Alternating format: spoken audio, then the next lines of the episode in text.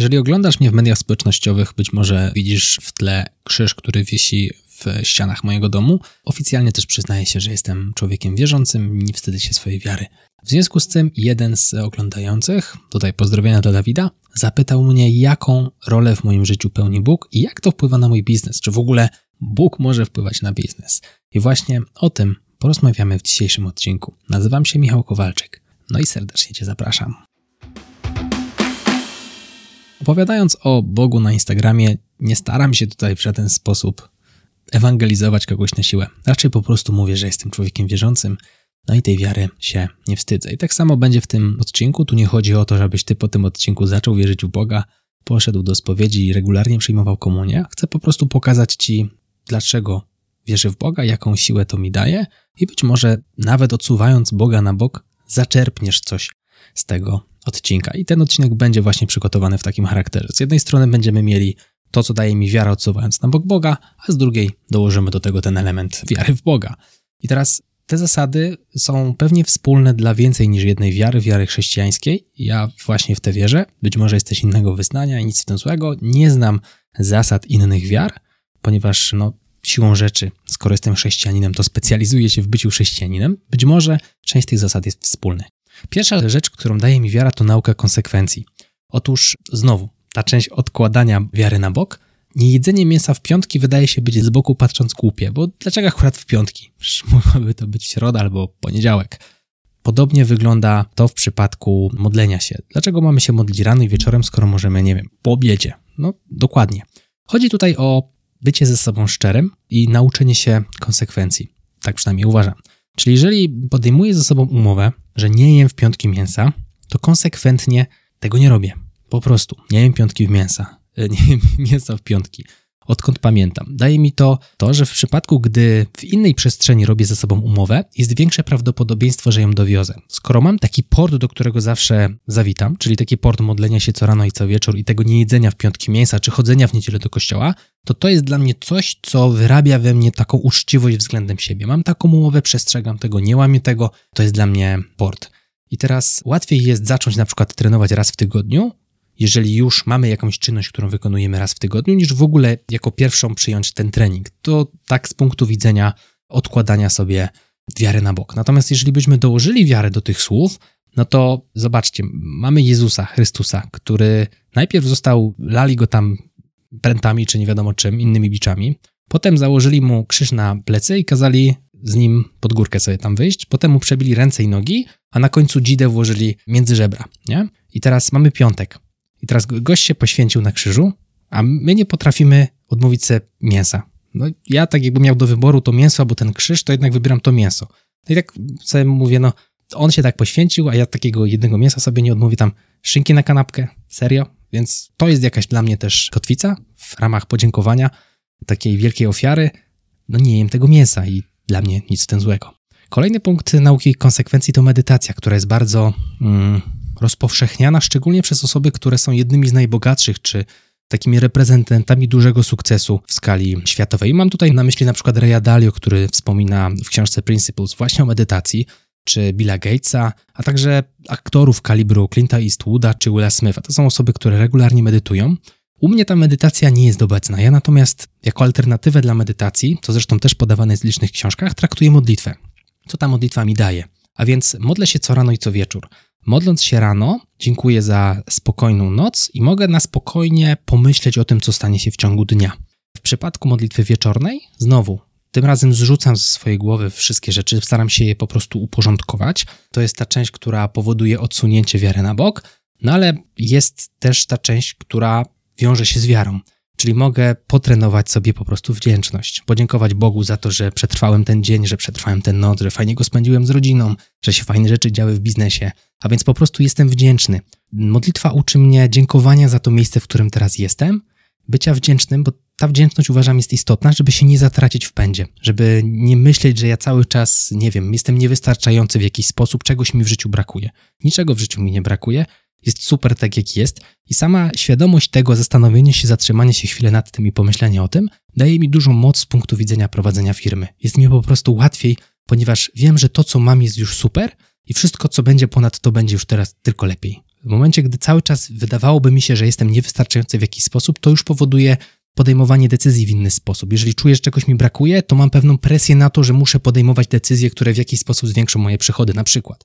Czyli już w relacji z klientem nie będzie to wyglądało aż tak dobrze. Teraz mam taki komfort w przypadku właśnie bycia wdzięcznym, tego, że faktycznie mogę pomóc temu człowiekowi, który chce ode mnie kurs. Czyli mogę zdecydować po tym, co piszę, czy ten kurs jest mu potrzebny, czy jest mu niepotrzebny. Natomiast gdybym czuł się w jakiś sposób niewystarczający, czy niewystarczający z punktu widzenia finansowego, mógłbym mieć parcie na to, żeby każdy jeden klient, który do mnie napisze, kupił coś ode mnie. Totalnie nie mam takiego parcia. I uważam, że w tym pomaga mi między innymi modlitwa.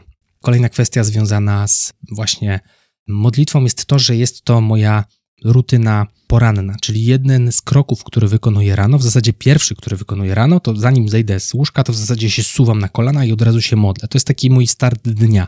I robię to odkąd pamiętam, czyli gdybyś zapytał mnie, kiedy zacząłem się modlić rano, to nie jestem ci w stanie powiedzieć kiedy. Robię to tak długo, czyli nie wiem ile mogłem mieć wtedy. 7 lat, nie wiem kiedy się zaczyna już modlić, nie? nie wiem, 5 lat, 7 lat, może 8, nie pamiętam kiedy zacząłem. Robię to od zawsze, rano i wieczorem. I kolejna rzecz to to, że modląc się, mogę skupić się na innych, czyli mogę zastanowić się, jak mógłbym innym pomóc. Czyli w przypadku modlenia się oprócz wdzięczności, to jest ta pierwsza część, czyli dziękuję Bogu za wiem, to, że jest fajnie i tak dalej, to jeszcze jest drugi case, proszę Boga o.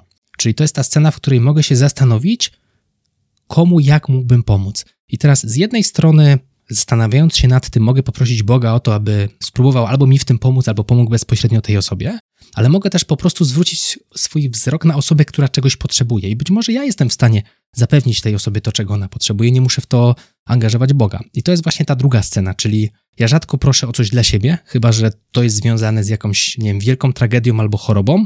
W zasadzie nigdy nie proszę o rzeczy materialne. Zdarza mi się prosić o to, żeby webinar dobrze poszedł, w takim sensie, żebym był po prostu odpowiednio skupiony i dał dobry show, żeby pomóc jak największej liczbie osób może wydawać się to błahe, ale, ale faktycznie zdarza mi się to o to prosić, żeby było zabawnie. Nie robię tego rano ani wieczorem, tylko już bezpośrednio przed webinarem. Tak sobie po prostu myślę, Boże, pomóż mi, żeby to fajnie wyszło, żeby ci ludzie byli zadowoleni.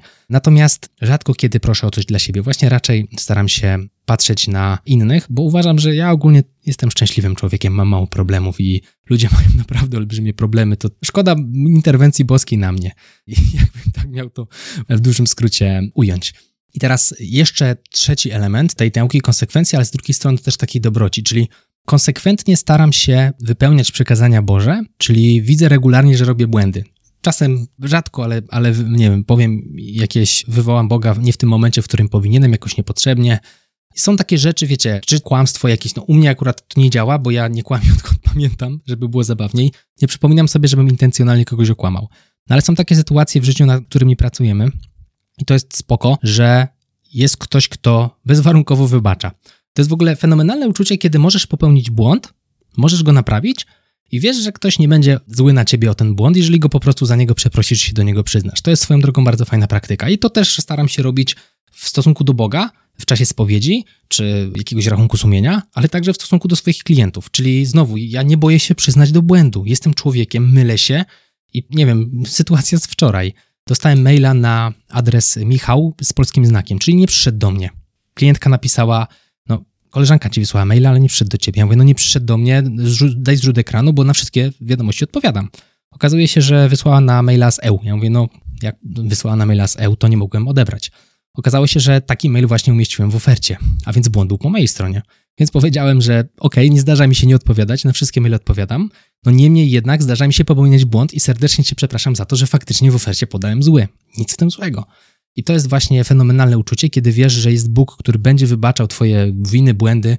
Nie chcesz ich robić, no ale się zdarzy, no jesteśmy tylko ludźmi. I tak samo przenoszę to na biznes. Też staram się, aby po pierwsze potrafić przeprosić, a po drugie kursantom, którzy się jakoś tam kajają, czy w jakiś sposób mówią o sobie negatywnie, gdy popełnią błąd, żeby ich z tego stanu wyciągać, czyli nie mówić, jak kursant powie o sobie, że na przykład jest, no nie wiem, głupi, to staram się mu napisać, no nie oceniaj się z punktu widzenia jakiegoś jednego błędu, bo mówienie jestem głupi świadczy o tobie, a to nie jest prawda. Ty nie jesteś głupi, mogłeś co najwyżej w tej konkretnej sytuacji zachować się głupio, albo na przykład w tej konkretnej sytuacji nie być wystarczająco spostrzegawczym ale zachować się mało spostrzegawczo na przykład, ale nie jesteś głupi albo niespostrzegawczy, nie? To nie świadczy o tobie jako człowieku. To jest konkretna jedna sytuacja.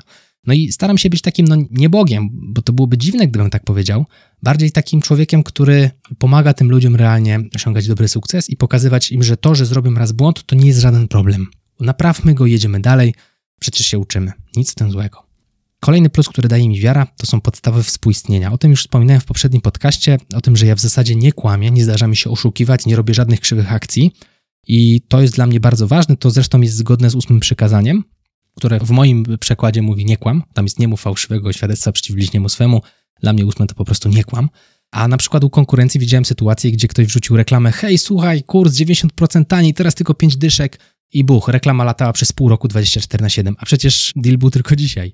Także to są akcje, które u mnie się w głowie nie mieszczą. Ja nigdy nic takiego nie planuję zrobić. To jest takie typowe nawijanie makaronu na uszy, czy w jakikolwiek sposób, no tak jak mówię, krzywe, szemrane akcje. Tego nie chcę robić. To jest w przykazaniach, natomiast myślę, że to jest taki, nie wiem, zdrowy savoir vivre, tego nie robić jako człowiek, nawet będąc człowiekiem niewierzącym.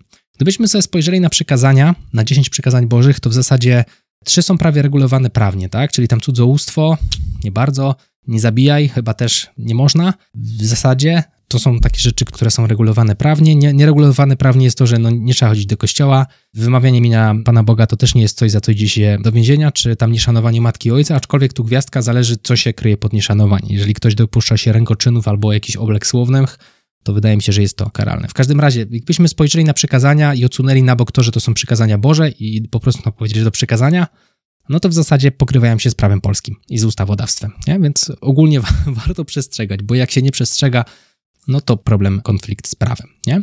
I co do jeszcze przykazań, warto wspomnieć o przykazaniu miłości, a w zasadzie jego drugiej części, czyli a bliźniego swego jak siebie samego. I to uważam, że też jest całkiem spoko podejście.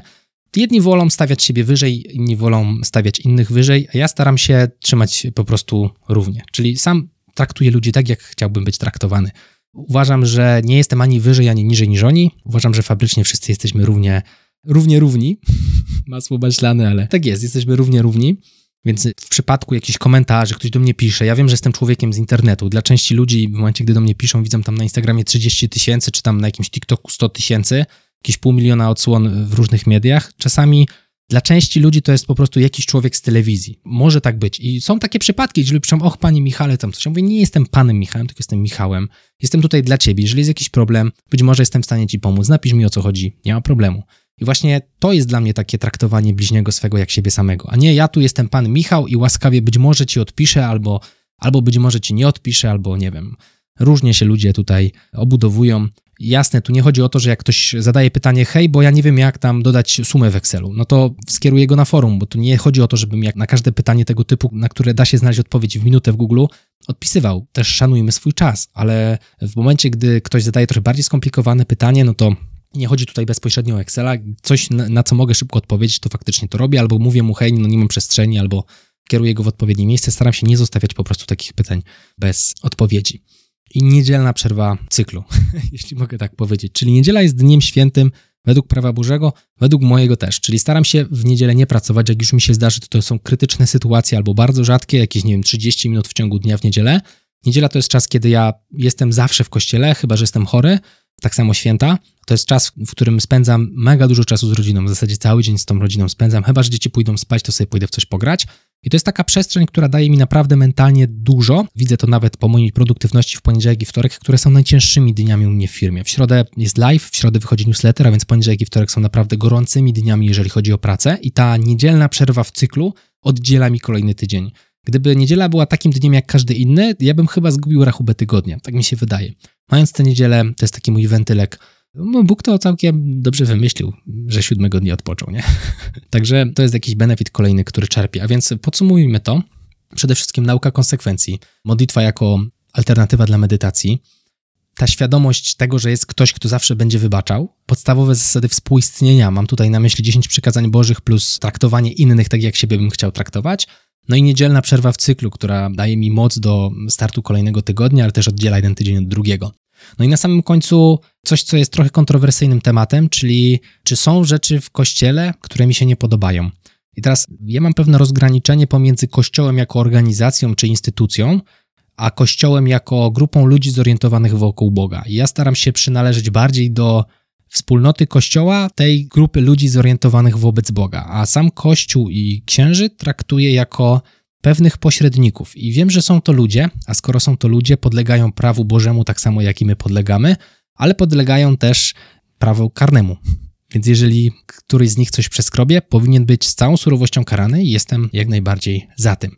Jesteśmy ludźmi, ciężko tutaj nie mnie jest oceniać, kto jak się zachowuje, natomiast ja mówię, ja idę do kościoła dla Boga, z księdzem jako pośrednikiem. No i tak to wygląda. Nie chcę tutaj tego tematu dalej rozgrzebywać. Zostawmy to tak, jak jest. Mam nadzieję, że ten odcinek wniósł Ci wartość. Trochę się zbierałem do tego, żeby go nagrać, bo no wiem, że temat religii jest dość kontrowersyjny. Natomiast, tak jak mówię, wierzę w to, że nic Ci tutaj nie narzuciłem. Chciałem Ci po prostu pokazać mój punkt widzenia. Chciałem Ci pokazać to, jak ważna jest wiara w moim życiu, jaką istotną stanowi część, bo w zasadzie nie ma dnia, żeby Boga w moim dniu nie było. On zawsze jest. Ja nie nagrywam o nim storiesów na Instagramie, ale ja cały czas o nim pamiętam i tych zasad jego staram się przestrzegać na tyle, na ile potrafię. Także mam nadzieję, że odcinek wniósł Ci wartość, że spojrzysz teraz na wiarę, jeżeli jesteś wierzący pod innym kątem, jeżeli jesteś niewierzący, jeżeli jesteś ateistą albo wierzysz w coś innego, mam nadzieję, że tak teraz ta wiara chrześcijańska jest dla Ciebie może trochę jaśniejsza. Nie mówię, że musisz teraz iść do kościoła. Jestem od tego wielce odległy. Dziękuję Ci serdecznie i tradycyjnie, jeżeli podobał Ci się ten odcinek, wyślij go proszę jednej osobie. Ja się nazywam Michał Kowalczyk, to był Excellent Work Podcast. Do zobaczenia i do usłyszenia w kolejnym odcinku. Trzymaj się, hej!